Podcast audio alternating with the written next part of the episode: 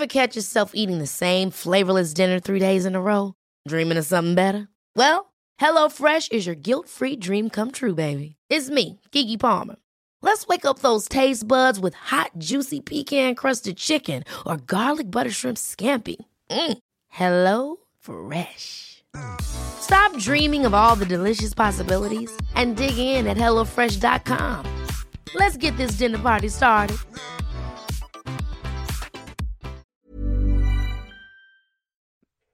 Du borde ge Rasmus mediciner för det här. Jaha, men varför, varför ska jag ge honom mediciner? Går det inte att lösa på annat sätt? Jo, men det är klart att du gör ju, det var bara jag som var där, därför säger jag du, men ni gör ju, eh, vi gör ju allting redan med, med, med maten och sådär. Och vi försökte liksom få in honom på idrotter. Han var, han var inte alls intresserad av idrotter då i alla fall. Men eh, så det här minimera sockret, inte så mycket, snabba kolhydrater, ehm, ja, och så vidare. Vi gav fiskolja och så. Men ehm, hon tyckte i alla fall att vi skulle medicinera honom och jag vägrade ju, utan jag, vi liksom snäppade ju upp det ett steg till då och verkligen tänkte på vad han skulle få i sig och vad han inte skulle få i sig. Och sen så blev det fokus på mer idrott, för det, ju, nu har man ju sett att konditionsträning, det kan ju förbättra koncentrationen.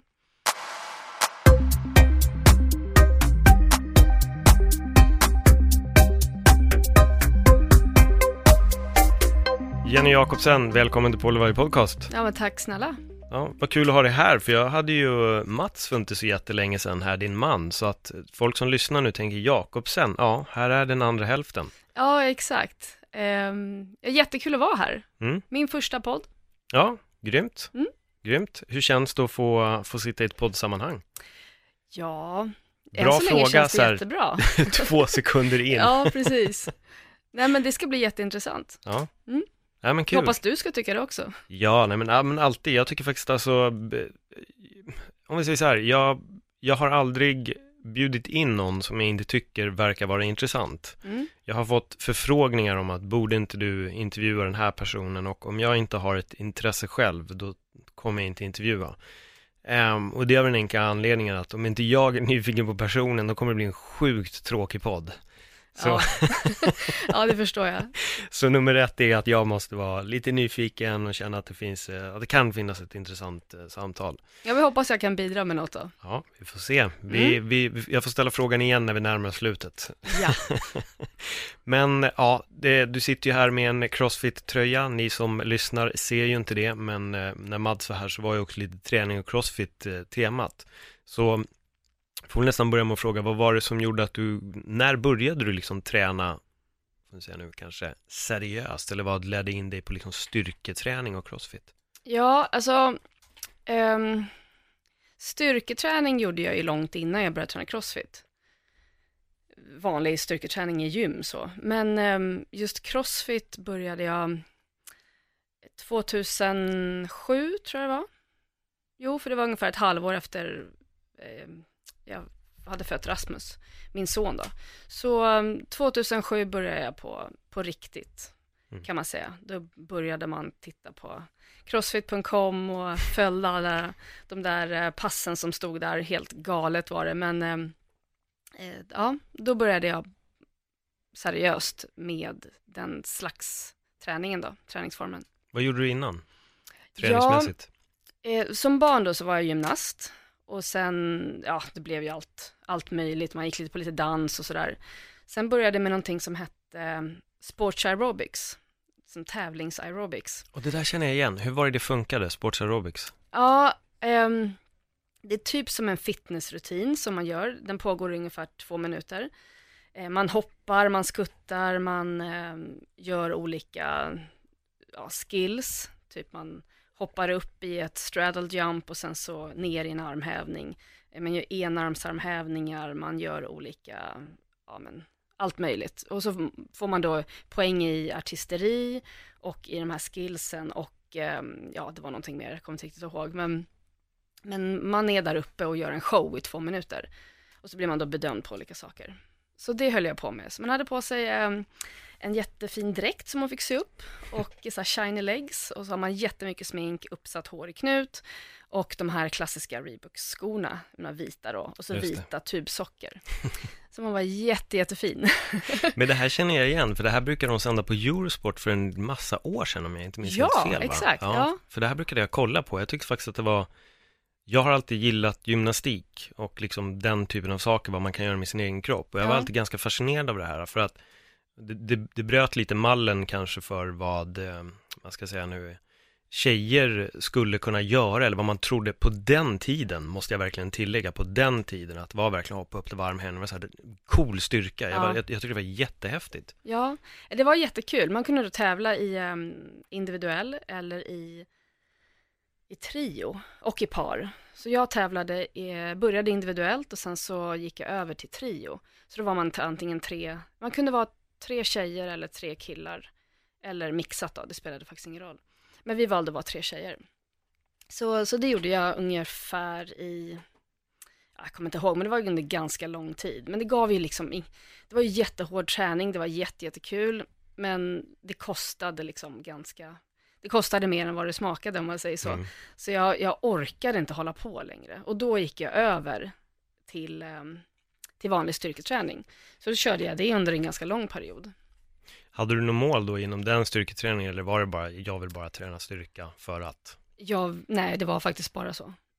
det var ren, ren, eh, bara för att det var, liksom, det var kul och man ja, blev stark och snygg och ja men så. Men du måste ju ha fått en ganska snabb utveckling i din kropp också. Jag tänkte att gå från liksom sports aerobics till att sen börja träna ren och skär liksom styrka. Mm. Jag antar också att lite syftet där var också att bygga. För jag menar, du är, du är väldigt muskulös. Så jag tänkte att från sports aerobics till ren styrketräning så måste du ha fått en ganska stor fysisk förändring, eller? Eh, ja, jo men det fick jag. Ehm, men det var inte förrän jag började faktiskt med crossfit Okej. som det blev ordentligt så som man såg och kände verkligen sig stark. Jag, jag kände mig jättestark när, när jag tränade ren styrketräning men, ehm, men den, den största förändringen skedde ju när jag började träna crossfit. Vad tror du som gör att man får just så stor styrkeförändring och eh, fysisk förändring av crossfit? Eh, variationen. Det är jättevarierat. Man, eh, jag hade väl inga, jag följde väl liksom program och sådär när jag tränade ren styrketräning, men jag hade ju ingen flås riktigt sådär. Så att jag, jag vägde ju lite mer då än vad jag gör idag till exempel. Så att man ser väl också kanske mer vältränad ut nu än vad man gjorde då. Mm. För det är någonting, för, för det är också väldigt mycket, alltså crossfit så är det ju verkligen, det är mycket knäböj, marklyft, utfallsgång. Och det är inte direkt som att det är så här, men jag körde utfallsgång idag och marklyft idag, så nu ska jag vänta till nästa vecka Nej, innan jag gör det igen. Ja. Utan där kan man väl köra liksom väldigt frekvent istället, det kan lika gärna vara dagligen att man faktiskt utsätter sig för, för de här sakerna. Absolut, jo men det kan det vara. Eh, sen så är ju, alla kör ju olika, det är många som följer ett, ett renodlat styrkeprogram och sen så gör kanske några crossfitpass på sidan. Idag är det ju inte så att man bara går in och kör hur som helst och inte har en plan med det riktigt. Mm. Eh, utan det är ju eh, noga programmerat och sådär så att man inte ska få men förslitningsskador och, och göra saker med kroppen som, eh, som den inte tål riktigt. Men um, um, nu tappar jag frågan. Ja, nej, det var bara allmänt lite om eh, träningen, att man kunde köra lite cross ja, eller men precis, ja.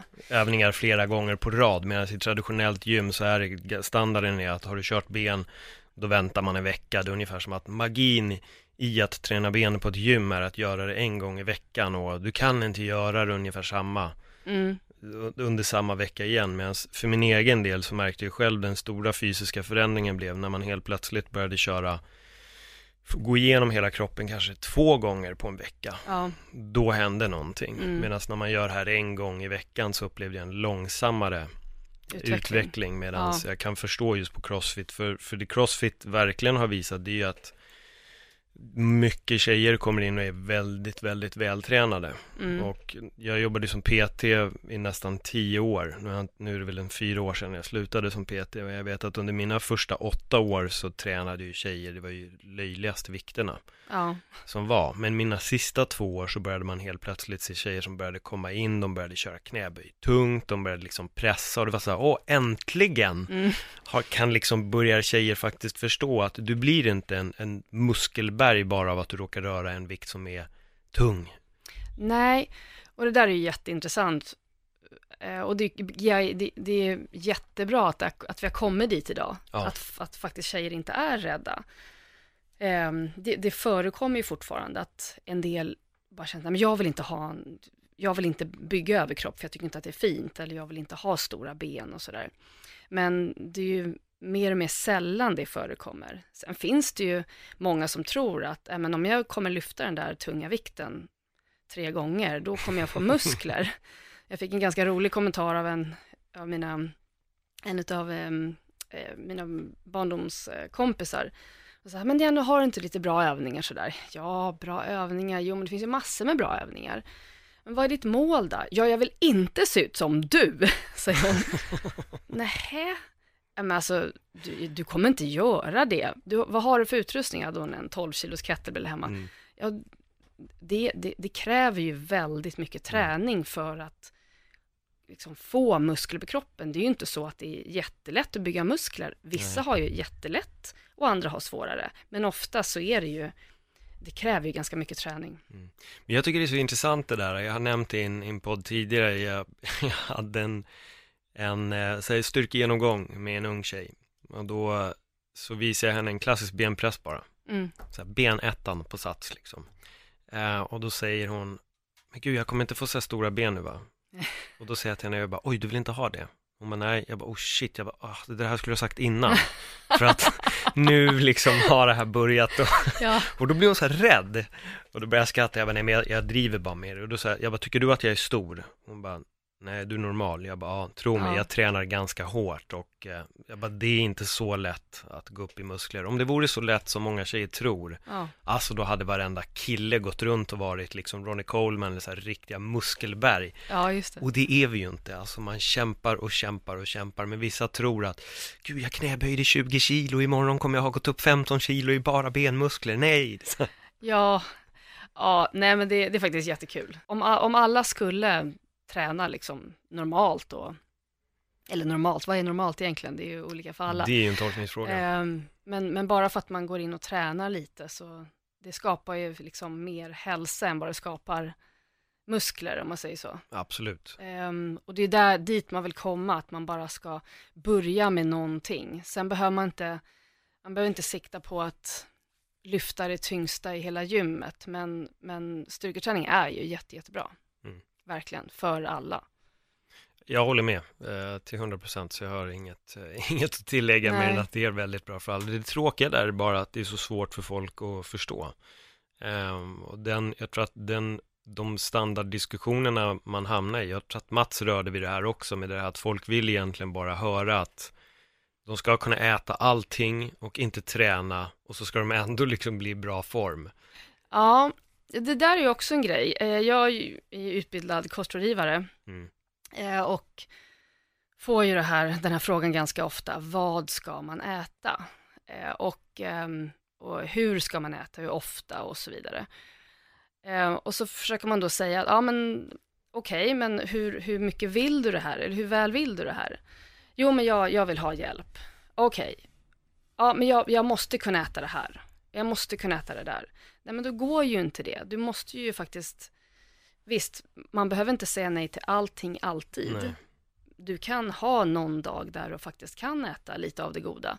Men det är väldigt många som inte vill göra det hårda jobbet. Det är samma med träningen, att man vill gärna liksom ha det lite bekvämt. Så. Ibland Ja. måste man ju bara ge 100% för att faktiskt nå sina mål. Så är det ju. Jag tror att faran också med många är att de vill hoppa på någon form av diet och jag tycker att diet är nog det största, det är en väldigt korkad grej för att en diet innebär att du gör någonting under en viss tid, sen återgår du till det gamla. Mm. Så fort du återgår till det gamla, då kommer du också återgå till din gamla kropp. Alltså, Ja. du kan inte gå på en diet för att sen stanna där, men liksom fort börja äta igen. Så fort du börjar äta igen, då, då kommer du bli stor igen. Jag tänker på de här som gör eh, gastric bypass, när Mm. de tar bort en del av magsäcken för att gå ner i vikt. Yes. Det tragiska med dem är att man märker att de är tjocka anorektiker. Och De Mm. blir ju det, för att de kan inte äta. Nej. Och problemet sen med dem är att magsäcken har en effekt av att töja ut sig. Så Mm. tar du bort halva magsäcken och börjar till slut äta igen, kommer du ha en lika, magst- lika stor magsäck som du hade innan du opererade bort den. Ja. Vilket också känns som att många ibland får den här operationen, men de får inte veta mer. Mer bara än att nu har vi gjort en mirakelgrej på dig här och så kommer allting gå, gå jättebra. Ja, alltså jag tror att nu, jag har ju aldrig varit i den sitsen, så jag kan ju inte svara för hur de där människorna mår. absolut. Ehm, men förmodligen så har de ju kommit till en punkt där de bara känner att jag har testat allt och det går inte längre. Men jag tror att man kanske bara inte har hittat rätt person för att hjälpa till. Så är säkert inte alla fallen, men i många av fallen tror jag faktiskt att det är så. Mm. Man behöver eh, ehm, få rätt hjälp helt enkelt och det är den tuffa vägen. Man behöver ta hjälp av en som kan kost och träning och allting. Sen så har vi den där mentala biten också då, men ehm, jag vet några stycken i min närhet som har gjort den där operationen och eh, de måste ju äta typ jättelite, jag vet inte hur många gånger det är om dagen, bara för att liksom ha ett fungerande liv. Eh, och flera har ju gått upp allting också. Det, det, det verkar som en väldigt, eh, o, ett onödigt ingrepp, men som sagt, jag har aldrig varit i den sitsen så jag vet inte. Nej. Men jag skulle aldrig rekommendera någon att göra den operationen. Nej, jag, jag följde ett program under ganska lång tid på, ehm, på tv, det hette My 600 pound life Ja. från USA. Det är, det är ju extremfall och jag förstår att de här behöver, behöver verkligen hjälpen. Liksom. Men det intressanta var när man fick liksom, återbesöka människorna, då var det ju också att en del hade börjat gå upp igen. Ja, Och de åt exakt lika mycket som innan, men då hörde man på dem, det var som att de hade inte ens fått veta nästan att om du börjar äta så kommer din magsäck att töjas ut igen, utan de var liksom i det blå. Förstod inte hur det kunde gå till. mm. Men jag menar om din magsäck redan har blivit större en gång i tiden, då kommer den kunna bli det igen. Alltså du kommer kunna töja och töja och töja på den där hur mycket som helst. Ja det gäller ju liksom att de, att de inte, som du säger, fortsätter man i samma rutiner och äter Mm. lika mycket då, och inte rör på det, då kommer du ju gå upp i vikt igen. Mm. Det sägs ju självt. Men ehm, ja, man, man behöver verkligen få rätt, rätt hjälp. Ja, och det är också, jag, jag upplever också att det har varit väldigt snurrigt eh, i ganska många år nu om vad som är bra och vad som är dåligt. Och eh, det största snurrigheten är också att när folk tror att det här funkar för mig så det funkar för alla. Ja, Så då predikar man ut det till allihopa. Jag, jag vet inte hur mycket folk som, som säljer till exempel kostscheman och sånt. Ja. För typ 2000 spänn och sen märker man att wow, alltså det här kostschemat har ju de bara googlat kostschema ja, och sen sålt det och så är det någon generell sanning och det är alltid typ så här torsk och ät det här och den och den tiden och så kommer grejer hända och jag vet ju folk som har köpt de här kostscheman och så har de ju börjat men det har inte hänt något. Det är ju för att det är för individuellt. absolut. Ehm, jo, och, och där har vi också sådär att det är ju en, väldigt många som söker kosthjälp för att de vill antingen eh, optimera träningen, gå ner i vikt, gå upp i vikt, få mer muskler. Mindre muskler har jag inte själv träffat någon än som vill ha. Ehm, men, ehm, och då gäller det att man sätter sig ner med den personen och liksom kollar, ja men nulägesanalys, tidigare sjukdomar, ehm, hur, de lever idag, hur mycket de tränar, eh, vad de äter idag och så vidare. Och sen då skapa ett, ett kostschema ut efter det. Och det är ju aldrig likadant. Nej, Jag har ju inte gett ut likadant kostschema med samma mått och allting till någon. Ehm, så det är ju jätteindividuellt. Sen så mår ju inte alla bra av samma kost heller. Nej och det är ju verkligen någonting som börjar belysas mer och mer också. Hur Ja. vi reagerar på olika kost och, och allt möjligt. Och det är ett ämne som jag tycker börjar bli väldigt, väldigt intressant. Jag gillade faktiskt det, det Mad sa om eh, kosten till hans son. Mm. Att han hade gått från att behöva hjälp i skolan till att inte behöva hjälp bara genom att Ja. förändra kosten. Det tycker jag är jättehäftigt. Jag tror inte vi grävde tillräckligt i det, men vad var det egentligen som ni, ni gjorde och hur kom ni underfund med, med det? Eh, ja, men Mats nämnde ju att våran son har ju då eh, ADD. Mm. eh, vilket är att man har koncentrationssvårigheter. Så, mm, och det märkte de i skolan och eh, jag kallade till ett möte. Eh, jag var inte helt beredd på det där mötet, det satt alla möjliga människor där. Mm. Så jag tänkte, ja men det är nog jätteviktigt. Men då förstod jag att de, de sa inte det rätt ut, men de tyckte att vi skulle göra en utredning på honom. Så det gick jag, eh, eller det gjorde vi, och då fick vi veta att han hade eh, då ADD. Eh, och efter det, jo det första hon sa till mig, det var så att du, ehm, du borde ge Rasmus mediciner för det här. Jaha, men varför, varför ska jag ge honom mediciner? Går det inte att lösa på annat sätt? Jo, men det är klart att du gör ju, det var bara jag som var där, därför säger jag du, men ni gör ju, Ehm, vi gör ju allting redan med, med, med maten och sådär. Och vi försökte liksom få in honom på idrotter. Han var, han var inte alls intresserad av idrotter då i alla fall. Men eh, så det här minimera sockret, inte så mycket, snabba kolhydrater, eh, ja, och så vidare. Vi gav fiskolja och så. Men eh, hon tyckte i alla fall att vi skulle medicinera honom och jag vägrade ju, utan jag, vi liksom snäppade ju upp det ett steg till då och verkligen tänkte på vad han skulle få i sig och vad han inte skulle få i sig. Och sen så blev det fokus på mer idrott, för det, det ju, nu har man ju sett att konditionsträning, det kan ju förbättra koncentrationen. Så, ehm, så det var väl liksom, det var väl det. Och jag har alltid ätit, fokuserat på att äta ren mat och med bra kvalitet och sådär. Mycket närodlat, ekologiskt och så, naturbetat. Så, och det har man ju också sett att det hjälper ju till väldigt mycket och alltså att man inte får i sig de här till, tillsatserna och e-ämnena och sånt som också faktiskt påverkar hjärnan. Vad tror du är som gör att vi inte liksom har kunnat se kopplingen mellan mat och hur den påverkar vår hjärna. Det var som en kompis sa till mig igår, han jag, jag fattar inte riktigt hur mat ska kunna påverka så mycket. Mm. Då säger jag, men du blir ju full om du dricker vin, eller hur? Ja, ja jo, jag bara, det är en vindruva. Mm. Så varför ska inte mat liksom egentligen påverka? Alltså det är som att folk verkar tro att du kan äta vad som helst och det kommer inte, det, det kommer inte påverka dig mentalt eller fysiskt på något sätt. Mm. Men om jag tar liksom en drog och då inkluderar jag alkohol och liksom allting, ja. ja då är det såklart att du kommer kunna få en effekt. Jo, jo, men allting är ju naturligt från början. Jag menar, om du käkar en sjuk ko, ja då kommer du fan bli sjuk. Ja. Ja. Jag, jag, förstår inte att det har tagit så många år innan folk, eller innan vi forskningsmässigt har kunnat börja se. Nej. Eh, men jag tror väl att det är så här att eh, dels för att just när den här snabbmaten kom, makaroner och färdiglagade köttbullar, eh, korv, ja men allting sånt. Det är ju ganska enkelt och det blev ju någon slags så här, ja men vanlig mat som man alltid åt. Åt man inte den här maten då var man lite konstig. Eh, och sen så är det väl också så här att det, det är bekvämt. Det är mycket bekvämare att laga någonting som är enkelt än att stå och laga någonting från grunden. Mm. Um, det finns ju många orsaker till varför det har blivit som det har blivit idag. Har det ju. Jo. Man var ju jätterädd för det här, för fettet. Ja. Och då till, tillsatte man ju massor med så här, det kom light-produkterna kom ju, vad var det, ja. 50-60 år sedan, eller 50 år sedan tror jag var. Eh, och då skulle man äta på ett speciellt sätt och här, reklamer påverkar. Det, det, finns ju massor med orsaker. Ja, för jag, jag vet själv, jag, ehm, jag åt under en väldigt lång period så käkade jag snabbmakaroner och jag mikrade köttbullar. Ja. Bara för att det gick så fort och det var så enkelt och så hade jag ketchup till det och det var typ så här min middag nästan var och varannan dag. Ja.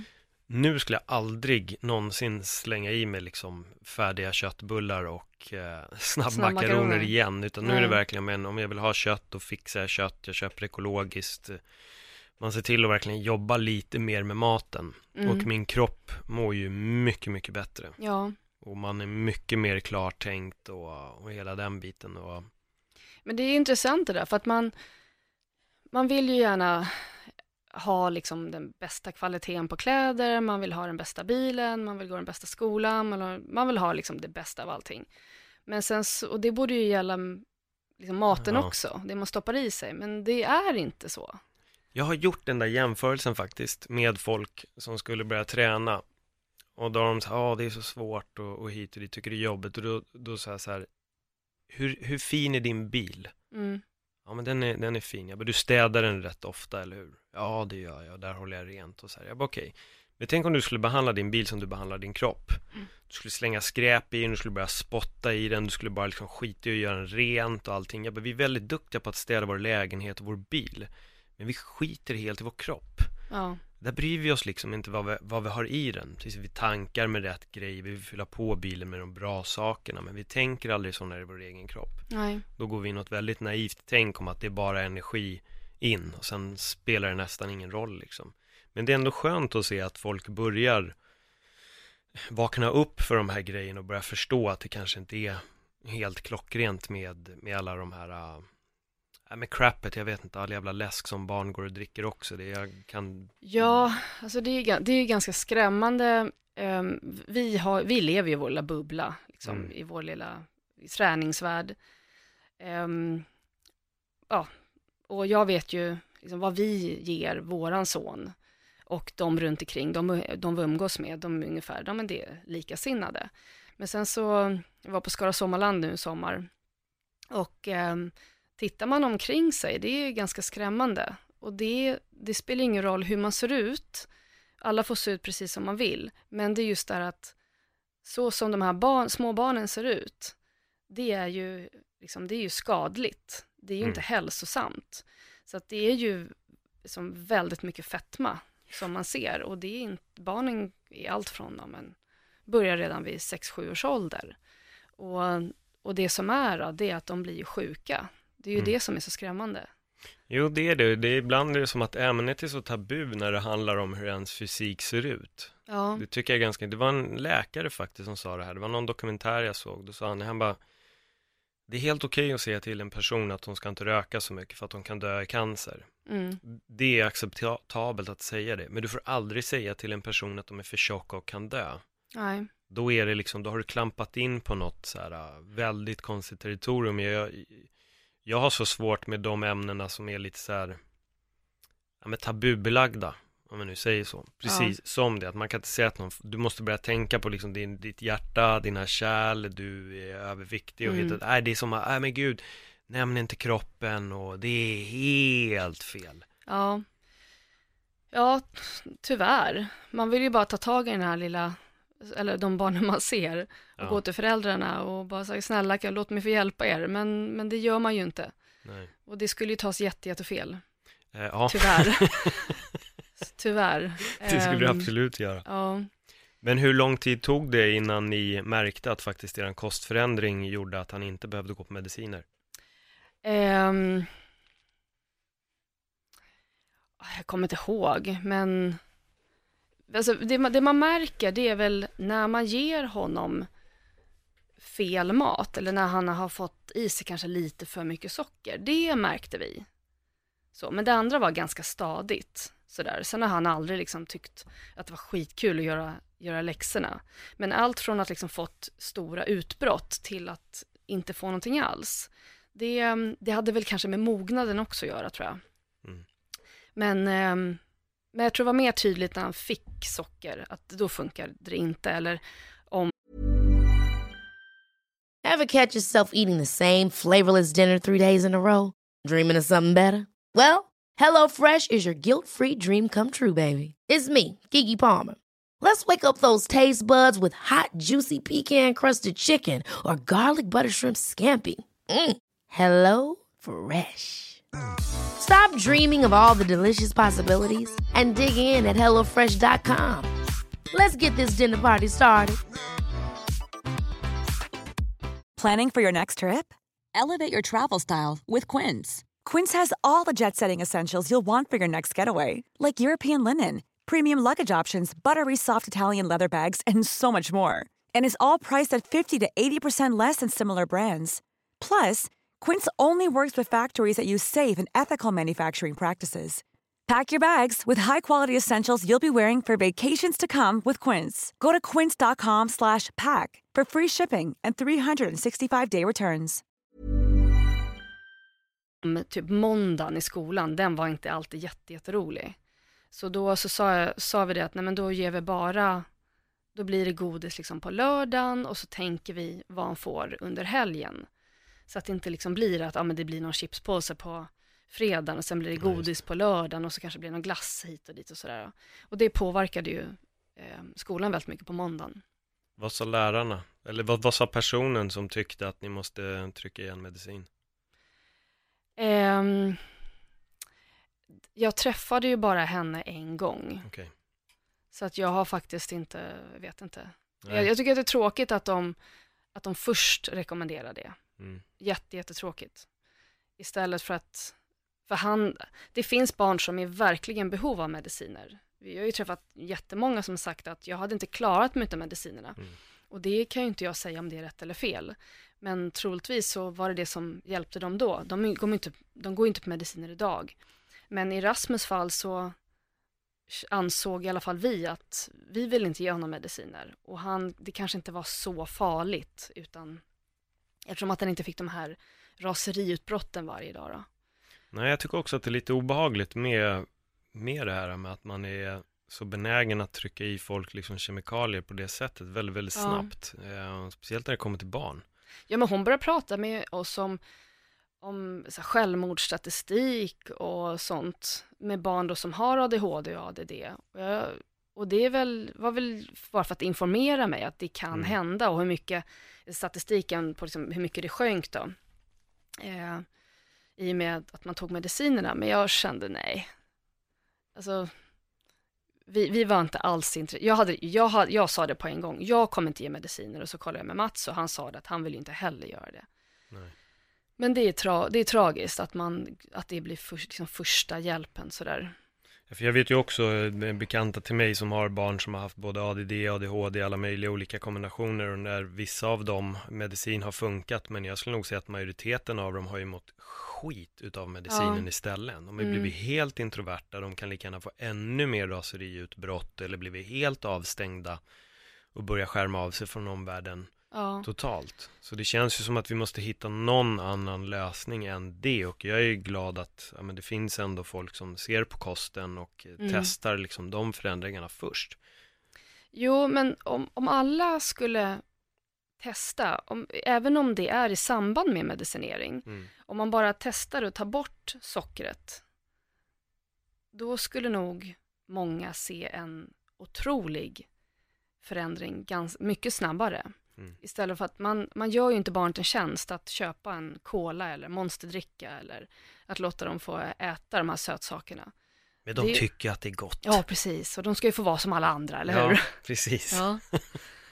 ja, nej men det är som jag sagt till, till Rasmus att ehm, vi, vi, vi säger ju inte till honom att du får inte äta det här för du har ADD. Nej. Det gör ju inte vi. Nu valde vi ju att säga till honom att han hade det. Det är ju så här, man vet ju inte, ska man säga, ska man inte säga?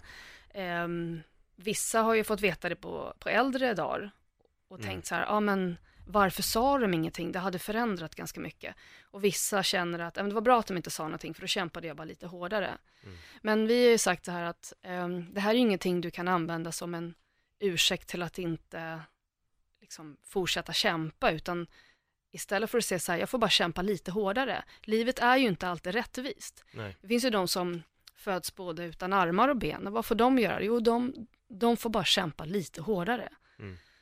Nu är det kanske en dålig jämförelse. Nej, men, den är, men, den är jättebra för jag kan faktiskt dra en parallell där. En, en, eh, jag berättade ju för dig att min brorsa hade flyttat in i min kompis gamla barndomslägenhet. Just det, ja.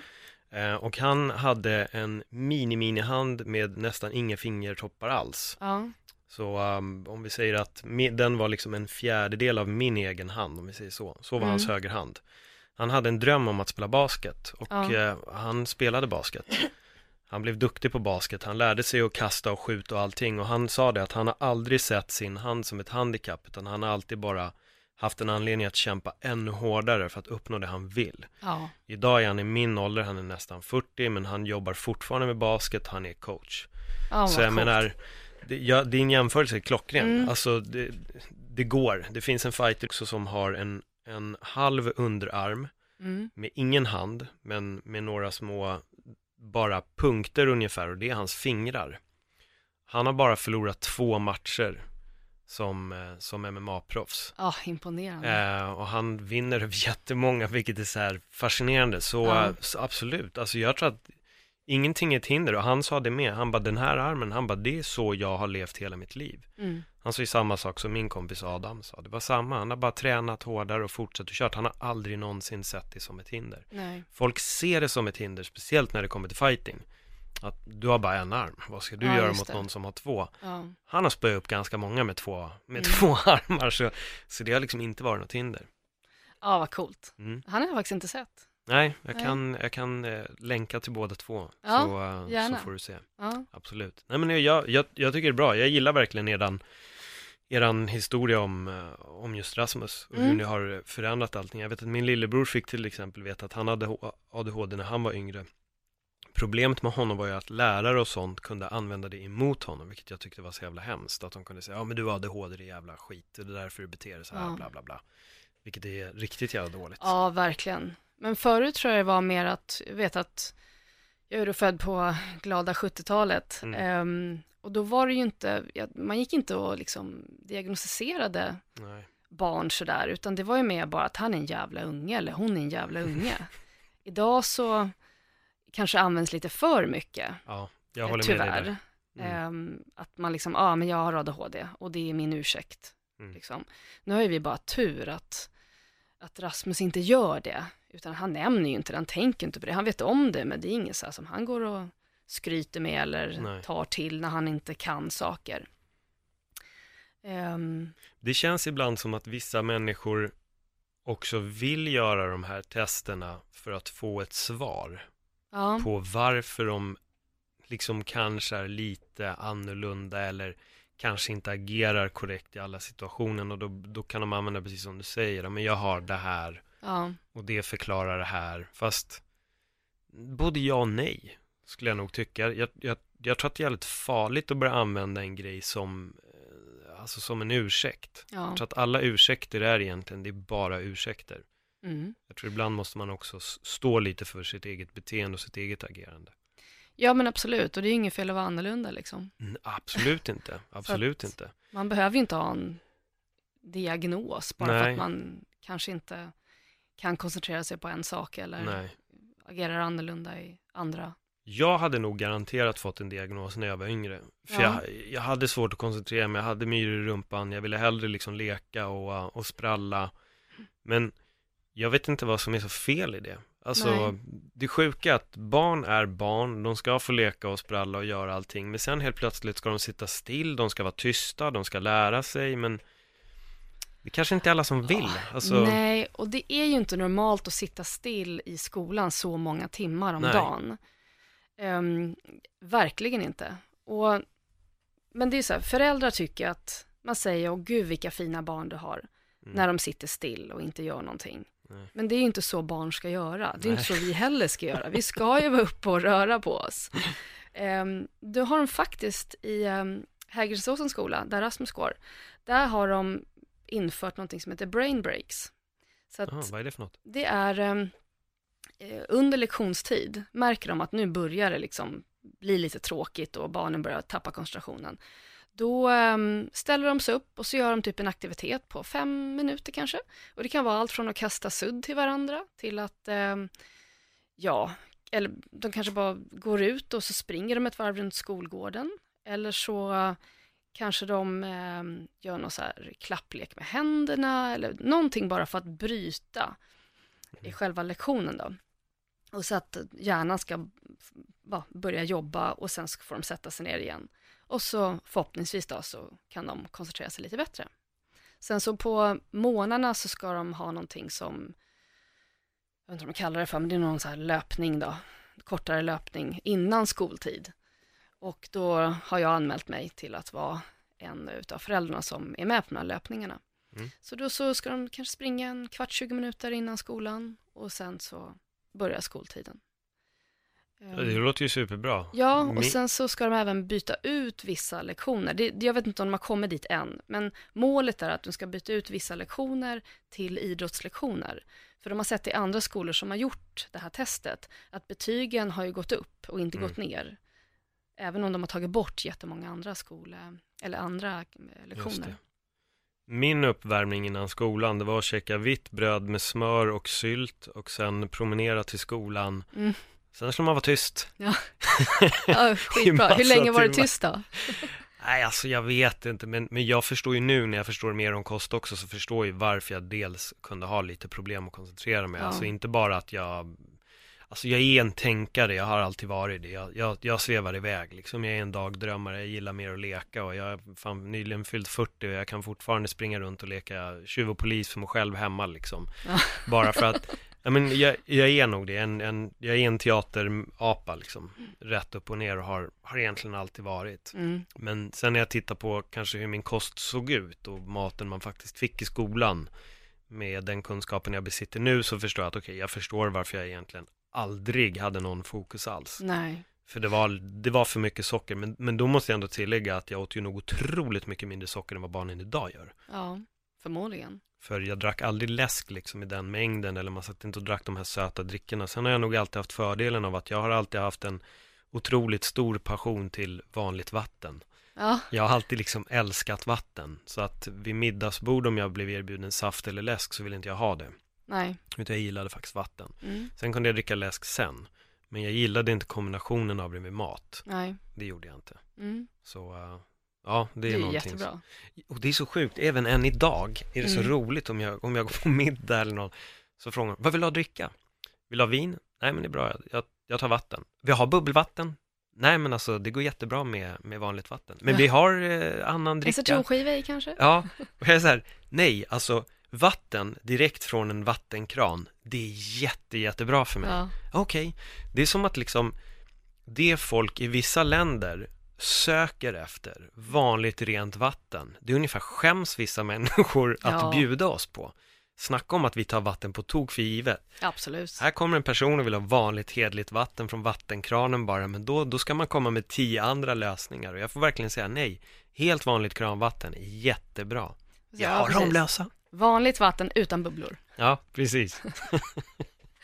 Ja, nej men ehm, just, just kosten där, när ehm, jag har inte alltid ätit som jag gör idag heller. Nej, det kan Alltså, jag tänka mig. Ja, det var ju väldigt mycket, när jag började, då var det ju så här, ja men lite torsk och det var, ja nej men man, man det var med ris och, ja, så tråkigt liksom. Det var Mm. verkligen jättetråkigt. Eh, och jag är uppväxt på Skogaholmslimpa och O'boy, Ja, liksom rostade det mackor. Det var ju det som man, man hade då. Mamma köpte alltid hem lättmjölk och lätt och lagom. Mm. Det var, och sen så hade man då limpa eller vad det nu var. Ehm, men någonstans har jag väl alltid haft det här kostintresset.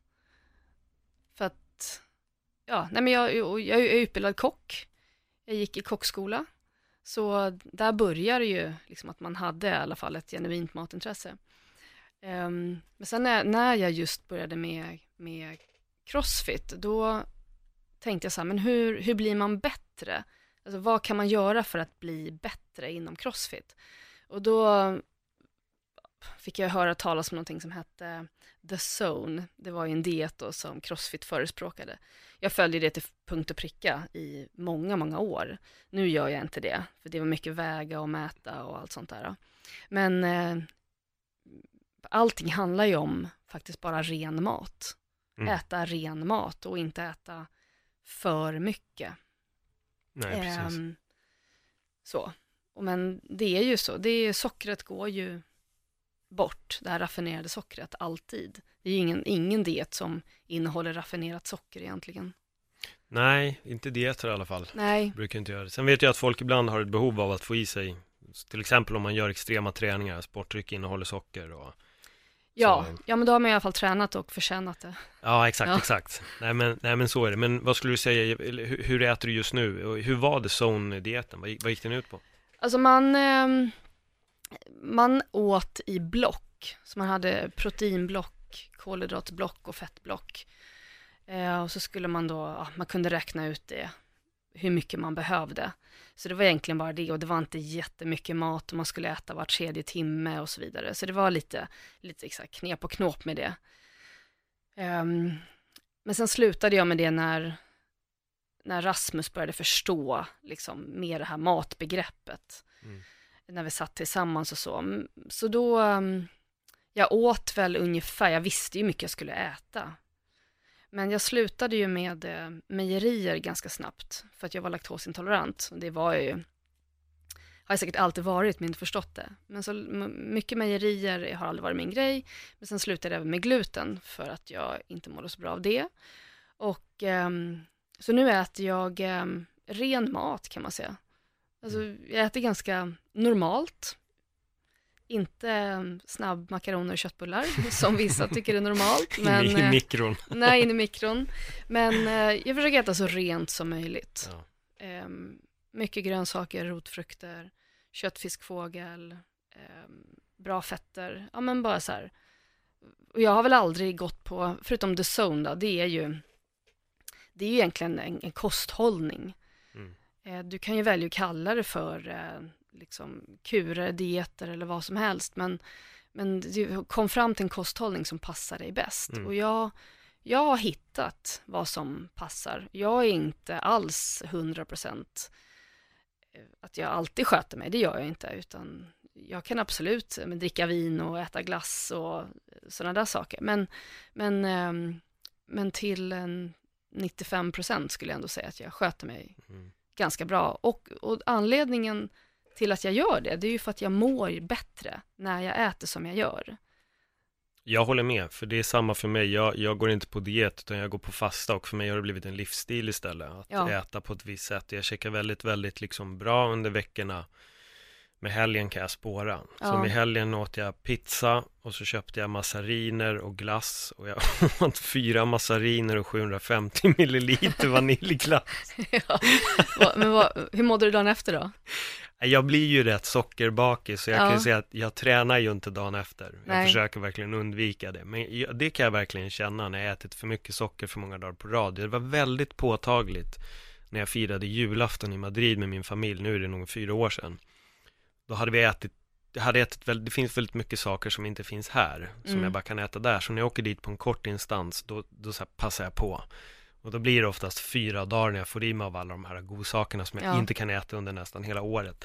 Men då hade jag ätit i, i fyra dagar och sen skulle jag möta upp mina polare för att träna i parken i Madrid. Skulle köra street workout.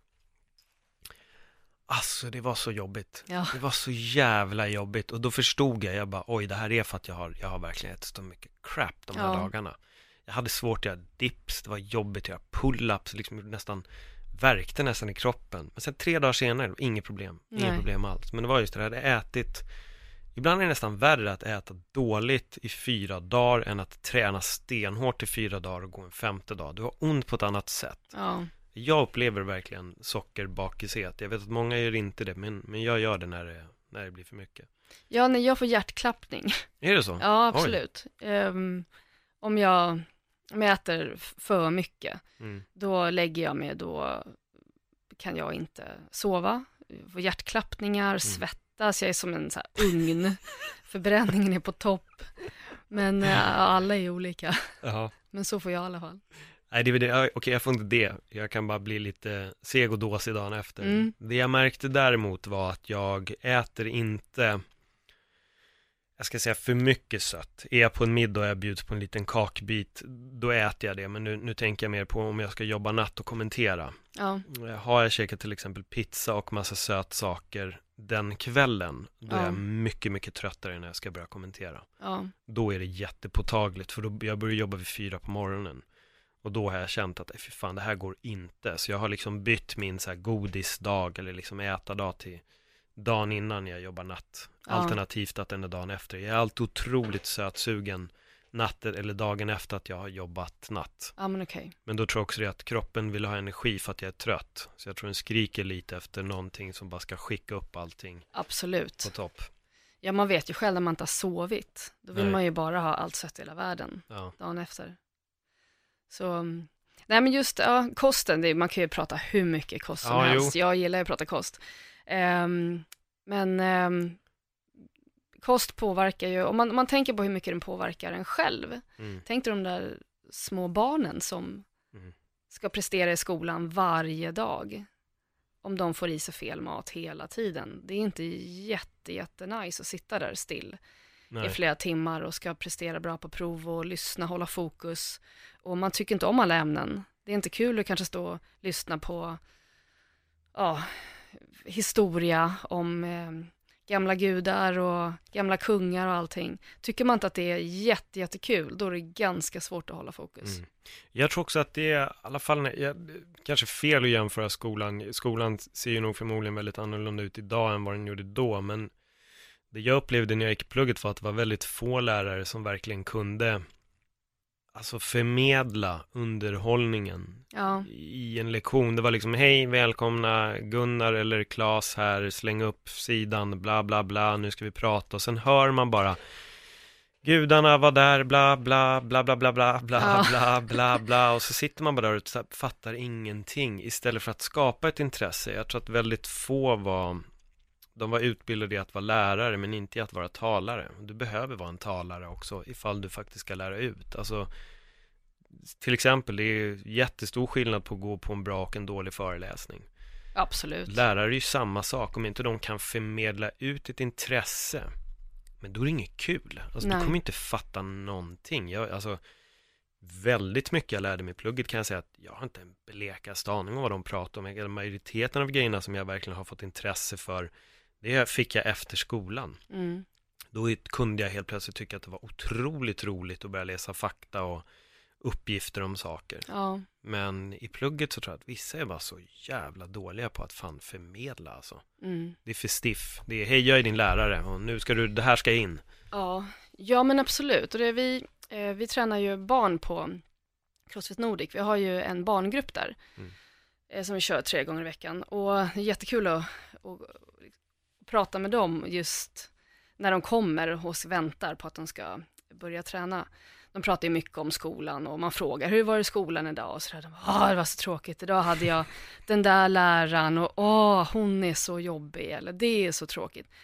Och det är ju ganska trist Ja. att de känner så. Mm. Istället för att de kommer och tycker att ja, det var jätte, jättekul i skolan där vi fick lära oss det här, vi träffar den här och att de blir inspirerade av Mm. lärarna och ämnena och allting.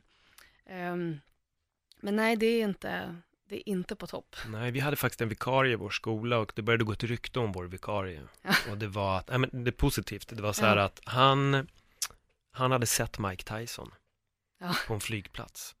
Eh, De hade varit på samma plan tror jag till och med. Han hade rest, runt i världen och han hade bott i Australien. Alla var så jävla nyfikna på den här vikarien. Så man längtade ju efter att han skulle vikariera. Och han kom till vårt klassrum till slut och var vikarie. Och då började han en timme med att berätta om sig själv. Alla resor han hade gjort och det här med Mike Tyson. ja, Så han målade upp värsta historien om sig själv, vilket var, han hade rest runt, han hade bott utomlands och gjort, gjort de här grejerna och man var ju jättefascinerad av honom.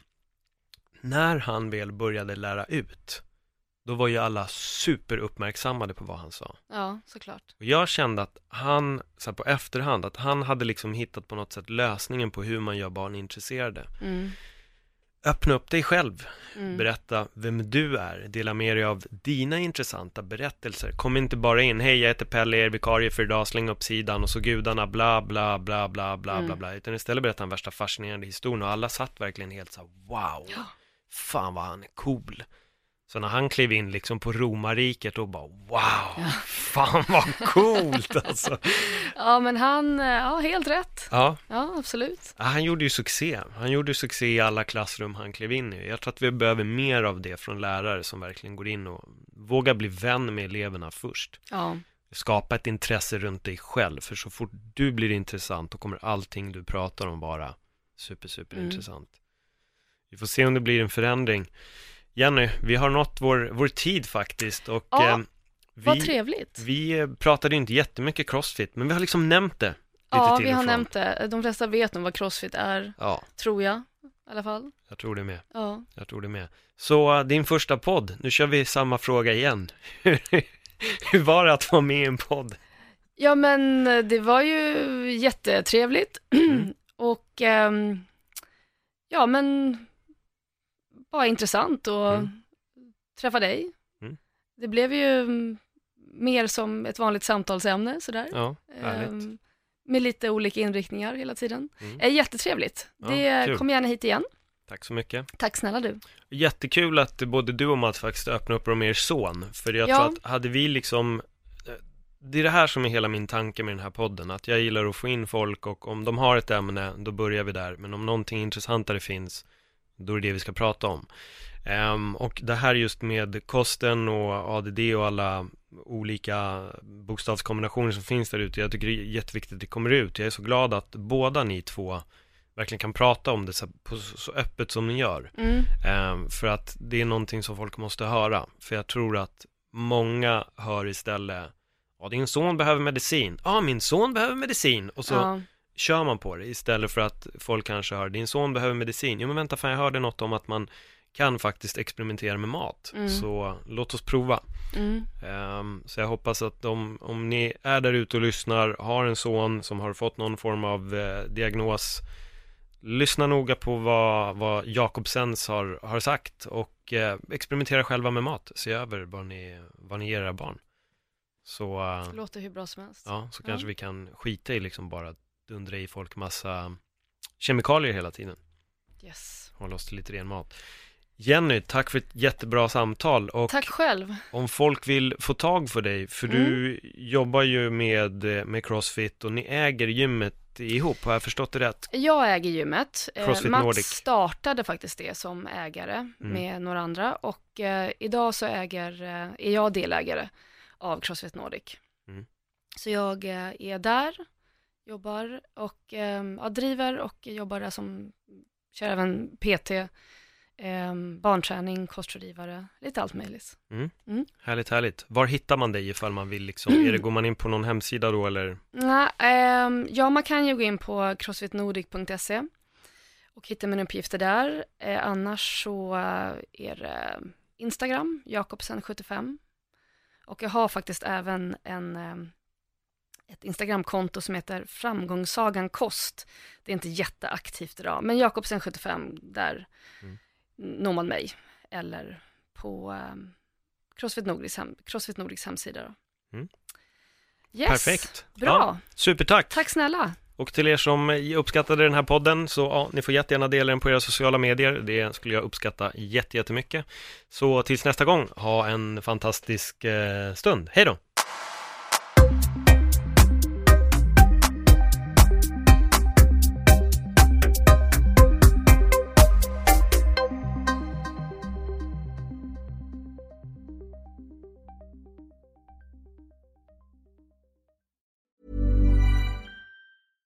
Catch yourself eating the same flavorless dinner three days in a row? Dreaming of something better? Well, HelloFresh is your guilt-free dream come true, baby. It's me, Kiki Palmer. Let's wake up those taste buds with hot, juicy pecan-crusted chicken or garlic butter shrimp scampi. Mm. Hello Fresh. Stop dreaming of all the delicious possibilities and dig in at HelloFresh.com. Let's get this dinner party started.